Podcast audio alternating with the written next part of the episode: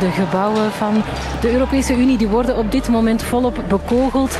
Een andere boer heeft net zijn mestkar opengezet en intussen stroomt er hier stront door de straten. Wat wij verwachten van vandaag, een beetje resultaat en vooral dat er met ons gepraat wordt. Want we voelen ons compleet in de steek gelaten. Wat kan Europa doen om de woede van de boeren te bekoelen? De Wereldgezondheidsorganisatie zegt dat er tegen 2050 wellicht 35 miljoen kankerdiagnoses per jaar zullen bijkomen. Het aantal mensen dat te horen krijgt dat ze kanker hebben, zal blijven stijgen. Het is zo precies dat, dat, dat de vooruitgang hand in hand gaat met die ziekte. Waarom blijft het aantal kankerdiagnoses stijgen? In Frankrijk is er een hele rel over bekende merken van mineraalwater die bleken Perrier, Vitel, Contrex hebben de boel jarenlang belazerd. Het was allemaal hetzelfde water. Het was veredeld kraantjeswater. En wat maakt mineraalwater echt mineraalwater? Ik ben Lode Roels en ik serveer alweer drie nieuwe verhalen het komende kwartier. Welkom.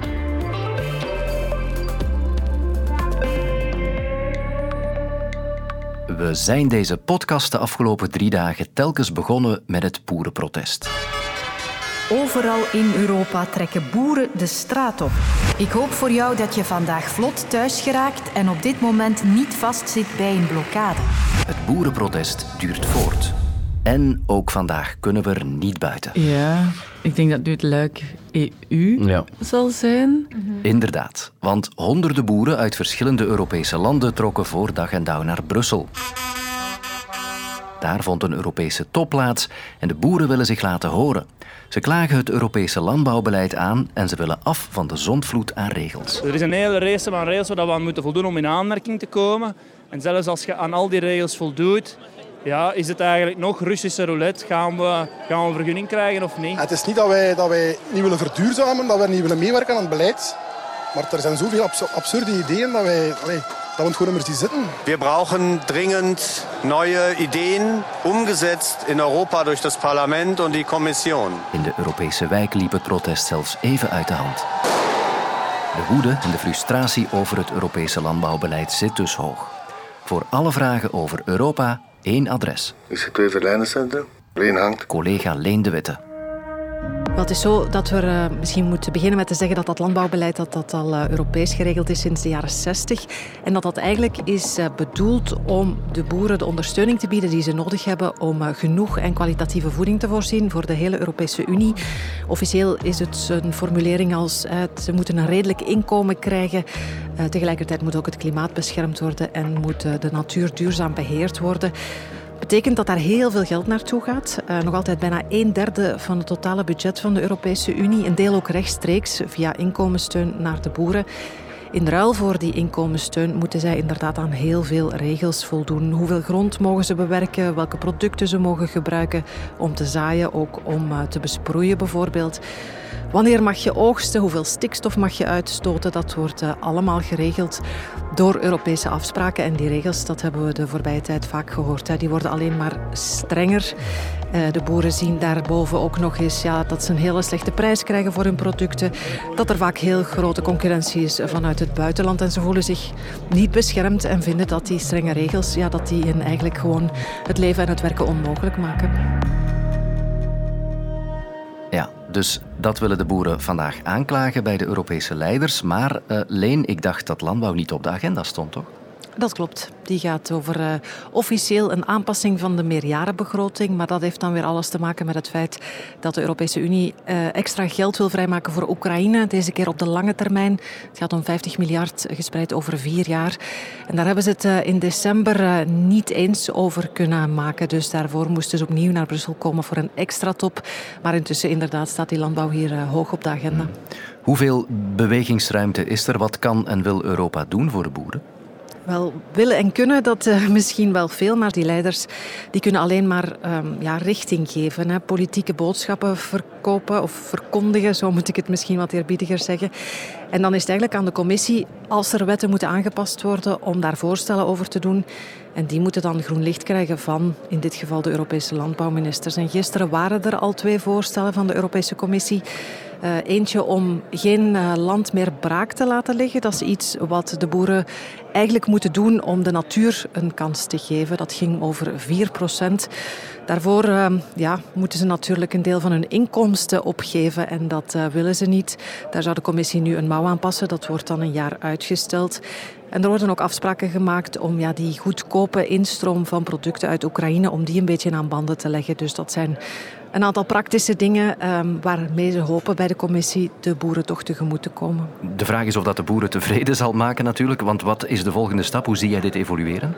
Wel, het zal wel hoog op de agenda blijven staan. Hè. Premier De Croo heeft ook al gezegd, ik ben blij met wat de commissie heeft aangekondigd, maar ik wil verder gaan. We need to, uh, to be able to discuss in the council on, uh, on, this, uh, on this topic, because the, the, the concerns that they, are, that they have are partly legitimate. Uh, administratieve lasten die moeten naar beneden, zegt hij. En hij heeft daar nu ook blijkbaar met de commissie over samengezeten.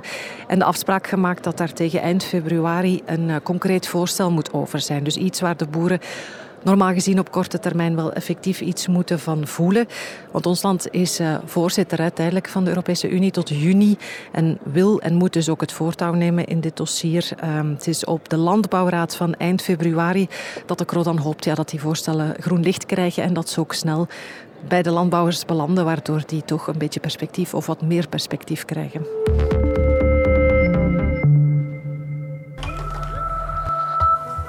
Tess, we beginnen de sport met atletiek en ja, slecht nieuws voor Julien Batra, helaas. Ja, Batra heeft teelbalkanker. Dat heeft hij vandaag verteld op een persconferentie. Batra, een sterke 400 meterloper, begint morgen al met chemotherapie.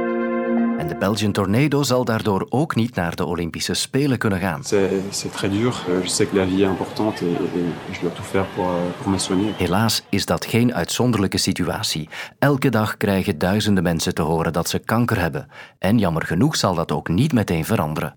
Integendeel, een nieuw rapport van de Wereldgezondheidsorganisatie voorspelt niet veel goeds.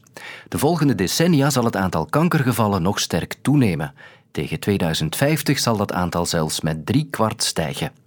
Ik schrok daarvan en daarom ging ik eens horen bij een expert. Ik ben Philippe Lardon, ik ben uh, diensthoofd van het Centrum voor Oncologisch Onderzoek van de Universiteit Antwerpen. Mijn belangrijkste vraag, waarom blijft dat aantal kankerdiagnoses al maar stijgen? We zien eigenlijk al langer een stijging van het aantal diagnoses van kanker. En ja, er wordt inderdaad verwacht dat wij tegen 2050 een zeer grote stijging zullen hebben. Dat is al een tijdje aan de gang.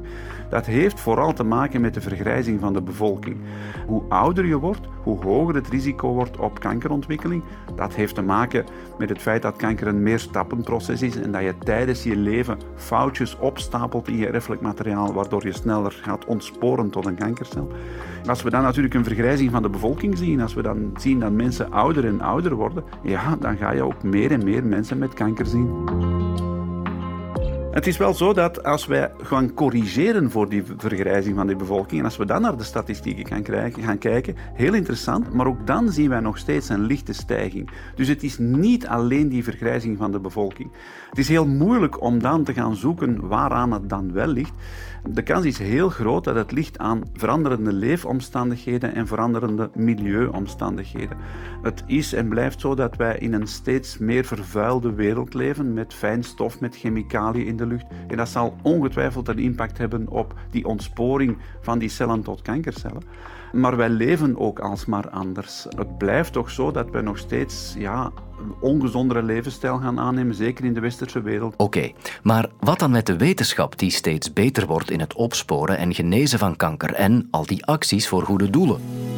Lichtpuntjes maken kanker draaglijker. Koop jouw lampion op lichtpuntjestegenkanker.be en maak deel uit van het grootste lichtpunt tegen kanker. Een actie van Kom op tegen kanker. Helpt dat dan allemaal niet? Wel, de, het, het onderzoek dat we nu in België en in de westerse wereld voeren is echt wel top top van de wereld en dat is heel goed. Hè. En de laatste decennia hebben we echt wel totaal nieuwe manieren gevonden om kanker te gaan genezen. Dus dat helpt heel goed.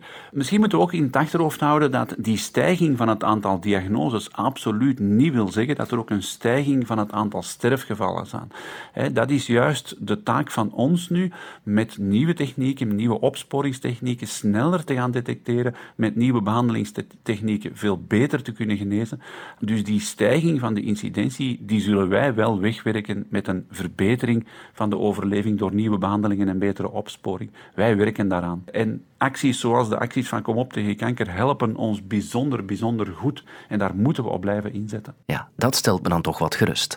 Al hebben ze dat geluk niet overal ter wereld. Ja, we moeten daar eerlijk in zijn. Niet alle landen hebben diezelfde toegang tot die fantastische gezondheidszorg die wij hier in de westerse wereld wel krijgen laat ons zeggen, in het globale zuiden, in, in minder ontwikkelde landen, daar is eerst en vooral die toegang tot de gezondheidszorg veel moeilijker. Mensen zullen veel minder snel vroeg laten opsporen of snel naar een arts gaan om iets te, uh, verdacht te gaan uh, onderzoeken. Dat is één. En ten tweede, vaak is er gewoon onvoldoende geld om die dure nieuwe therapieën toe te passen bij de patiënten. Dus er komt een ongelijkheid in de wereld, jammer genoeg over die overlevingskansen voor kanker. Jammer is dat zo. Maar kunnen we dan echt niets doen om die stijging tegen te gaan? Aan de vergrijzing kunnen we natuurlijk niks doen. Um, dat is maar goed ook. Hè. Het, is, het is goed dat mensen steeds ouder worden en dat is ook dankzij de gezondheidszorg. Um, maar wij kunnen wel iets aan preventie doen. Hè. We kunnen er wel voor zorgen dat we toch proberen te denken aan een betere levensstijl. Zeker nu we allemaal wat ouder worden. En de belangrijkste daarvan is roken. We moeten echt het roken de wereld uithelpen. Een tweede factor is alcohol. We moeten matig zijn met alcohol, want daar ligt een heel duidelijke link met kanker. We moeten letten op onze voeding, bijvoorbeeld minder rood vlees en veel gevarieerdere voeding en gezondere voeding, meer groenten en fruit.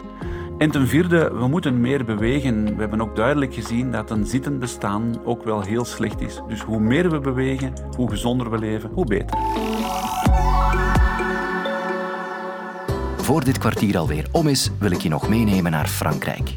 En waarom niet meteen naar het zuiden van Frankrijk?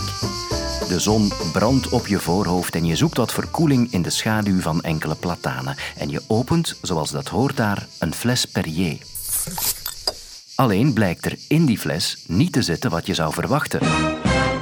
Watergate à la française. Le Monde en Radio France ontdekten namelijk dat grote watermerken zoals Perrier, Vitel en Contrex de Franse flessenwaterdrinkers voor de gek hielden. Ils dépensent des sommes considérables pour acheter de l'eau en bouteille qu'ils croient bah, meilleure pour la santé, euh, plus pure et qui est en fait traitée exactement comme l'eau du robinet avec le même type de traitement. Mensen dachten dat ze gezond, maar ook duur mineraalwater kochten. Maar wat bleek? Het was een soort van kraantjeswater. In principe mag er op mineraalwater geen enkele behandeling gebeuren alvorens het in de fles gestoken wordt en dus verkocht wordt. En in dit geval is dat blijkbaar wel gebeurd. En daardoor is er dus nu uh, wat heisa rond de, de flessen die toen zo verkocht zijn. Een rel in Waterland dus. En om te begrijpen wat er precies gebeurd is, ga ik te raden bij Marjolein van Oppen, waterwetenschapper aan de UGent. Misschien eerst de, de verschillende soorten water. Dus je hebt drinkwater, dat is alles wat volgens, uh, of voldoet aan de Europese richtlijn waaraan drinkwater moet voldoen. Uh, maar als het op flessenwater aankomt, heb je een aantal verschillen. Je hebt natuurlijk mineraalwater of mineraalwater of bronwater. Dat is allemaal een beetje hetzelfde. En dat komt erop neer dat het water dat vanuit de bron opgepompt wordt en gebotteld wordt, geen behandeling meer mag ondergaan. What we drink It's not water, it's eternity. It's a story of our animal species. Er zijn strenge regels voor. Uh, mineraalwater moet daarnaast ook nog aan een, een stabiele samenstelling voldoen, uh, wat dat bij bronwater dan weer niet het geval is. Maar boven bij beide komt het erop neer dat het water opgepompt wordt, rechtstreeks gebotteld wordt en zo verkocht wordt, zonder bijkomende behandeling. Er zijn nog andere flessenwaters waar niet specifiek op staat bronwater of mineraalwater. Dan kan het zijn dat er wel bepaalde behandelingen op gebeurd zijn.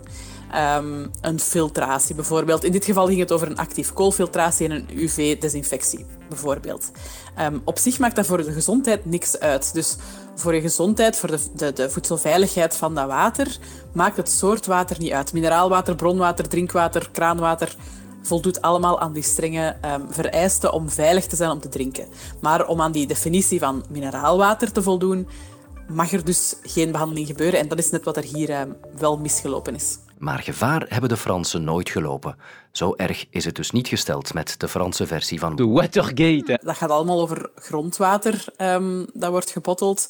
Soms zit daar een keer wat te veel ijzer in dat er wel moet uitgehaald worden, bijvoorbeeld. Misschien is het zoiets geweest.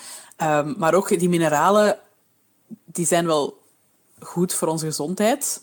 Maar we halen die veel meer uit voedsel dan uit, uit drinkwater. En we moeten daar ook een beetje mee oppassen. Mineraalwater, sommige mineraalwaters bevatten heel veel mineralen. en zijn dan weer bijvoorbeeld, of er zitten dan bijvoorbeeld te veel mineralen in om dagdagelijks uw anderhalve of twee liter water van te drinken. Contrex, elle, vous apporte naturellement du calcium et du magnésium essentiels à votre corps. Source Contrex, goûtez l'effet minéral. Het enige probleem, tussen aanhalingstekens, is natuurlijk dat mensen mineraalwater gekocht hebben in de veronderstelling dat het mineraalwater was, maar dat het dan volgens de wetgeving natuurlijk niet was. Maar voor de gezondheid is dat natuurlijk geen enkel probleem. En afsluiten doen we met een tip. De grootste tip is eigenlijk dat water, of het nu kraanwater of flessenwater is, aan heel strenge regels moet voldoen en allemaal veilig is om te drinken.